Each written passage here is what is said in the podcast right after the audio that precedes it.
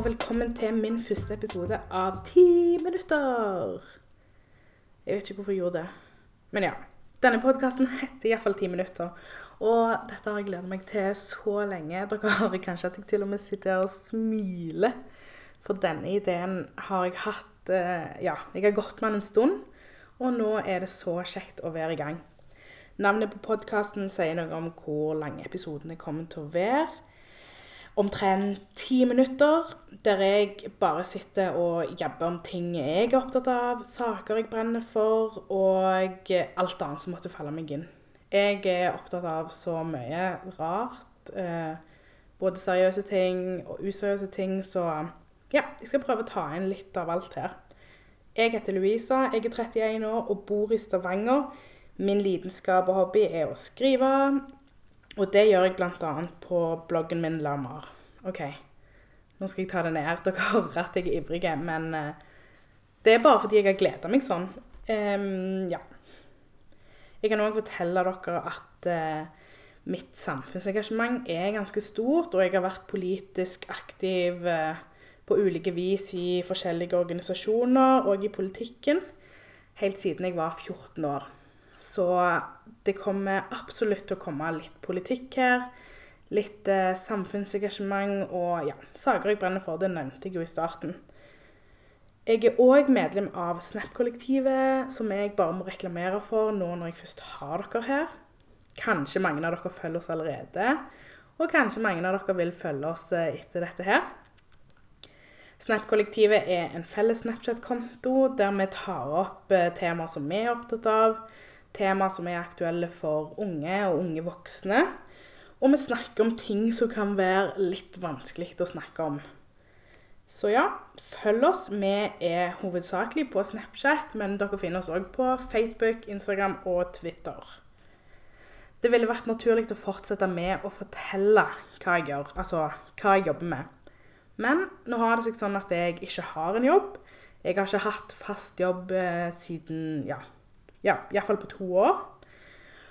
Så jeg er arbeidssøker, og jeg er arbeidssøker i ordets rette forstand. For tro meg, å søke jobb, det er fader meg en fulltidsjobb. Og det er ofte det jeg fyller dagene mine med. Jeg prøver å finne jobber å søke på, og så skriver jeg søknader. Um, ja. Og det er selvfølgelig noe jeg kommer til å prate om her i ti minutter. Iallfall så lenge jeg befinner meg i den situasjonen. Noe jeg ikke er alene om her i regionen der jeg kommer fra. Når jeg spiller inn denne episoden, så er det jo dagen derpå valget. Og hva skal vi si?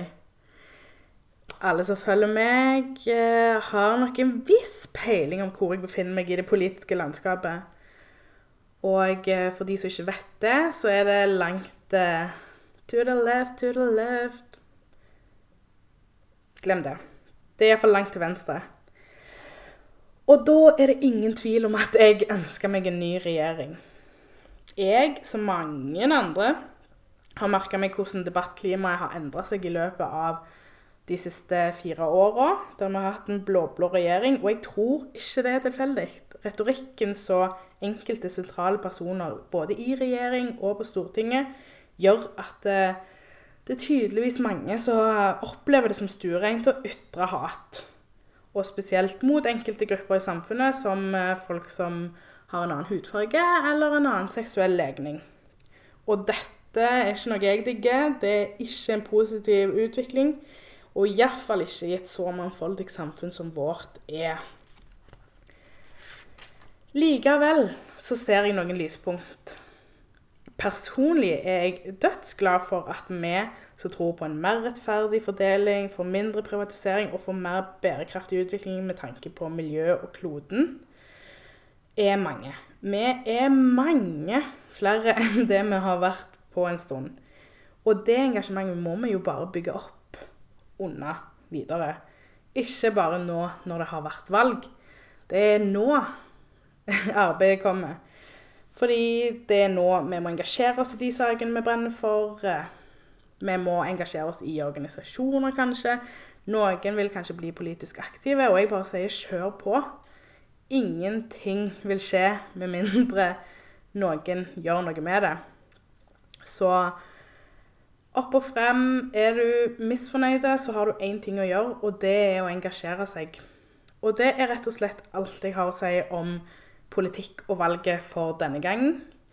Vi vet alle hvordan det har gått, og nå må vi bare se fremover. Over til noe helt annet. Til hver episode så vil jeg be dere om å sende meg lytterspørsmål. Og det har jeg òg gjort til denne episoden. Jeg ba mine Snapchat-følgere om å sende meg eh, spørsmål, og denne gangen har jeg plukket ut et spørsmål fra ei som heter Guro. Og det lyder som dette her. Hva syns du egentlig om serien Narcos? Og eh, jeg kan fortelle dere, for de som ikke vet det, så er jeg født i Colombia, og det er der handlingen har foregått. Og til nå har jeg sett alle sesongene. Og som en spenningsserie så syns jeg han er helt topp. Jeg digger å se så mange sykt bra skuespillere fra Latin-Amerika. Eh, og ikke minst fra Colombia, da. Og så syns jeg det er så kult at de snakker spansk. For det Hollywood kunne jo funnet på å flytte handlingen og late som det var et annet sted enn der det egentlig var, og, og kjøre hele greia på engelsk, men det har de altså ikke gjort.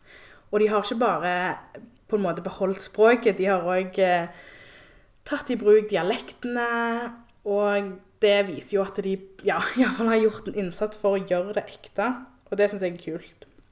Jeg elsker selvfølgelig òg å se glimt fra, fra Colombia. Jeg blir jo helt tullete når jeg ser matvarer og ja, matretter, hva som helst av ting jeg liker og savner.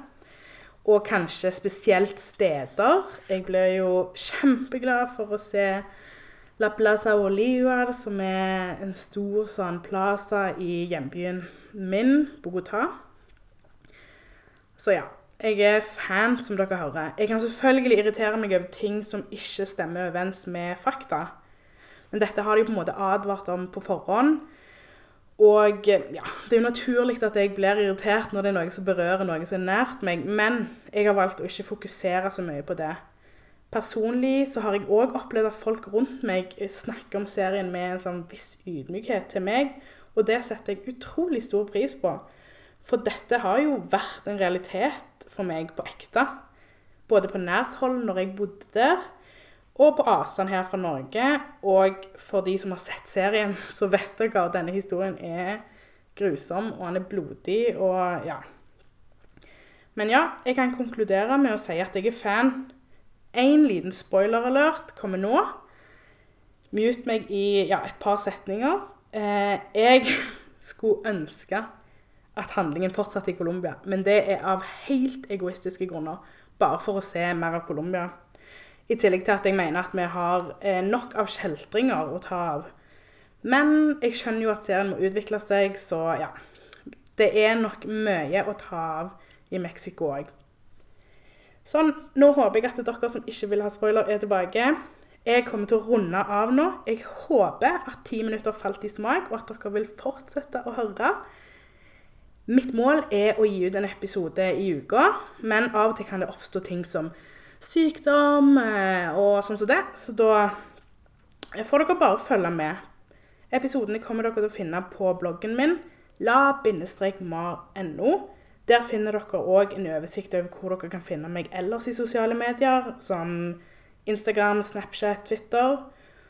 Og så vil jeg òg nevne at jinglen den er lagd av ingen ringere enn min mann. Jeg syns han er dødskul. Så ja Vel, jeg sier på gjenhør. Så snakkes vi neste gang.